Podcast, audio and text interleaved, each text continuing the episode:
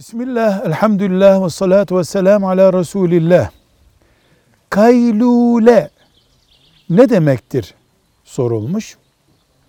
Kaylule gün ortası ya da öğleden sonra diyelim hafif bir kestirmenin adıdır.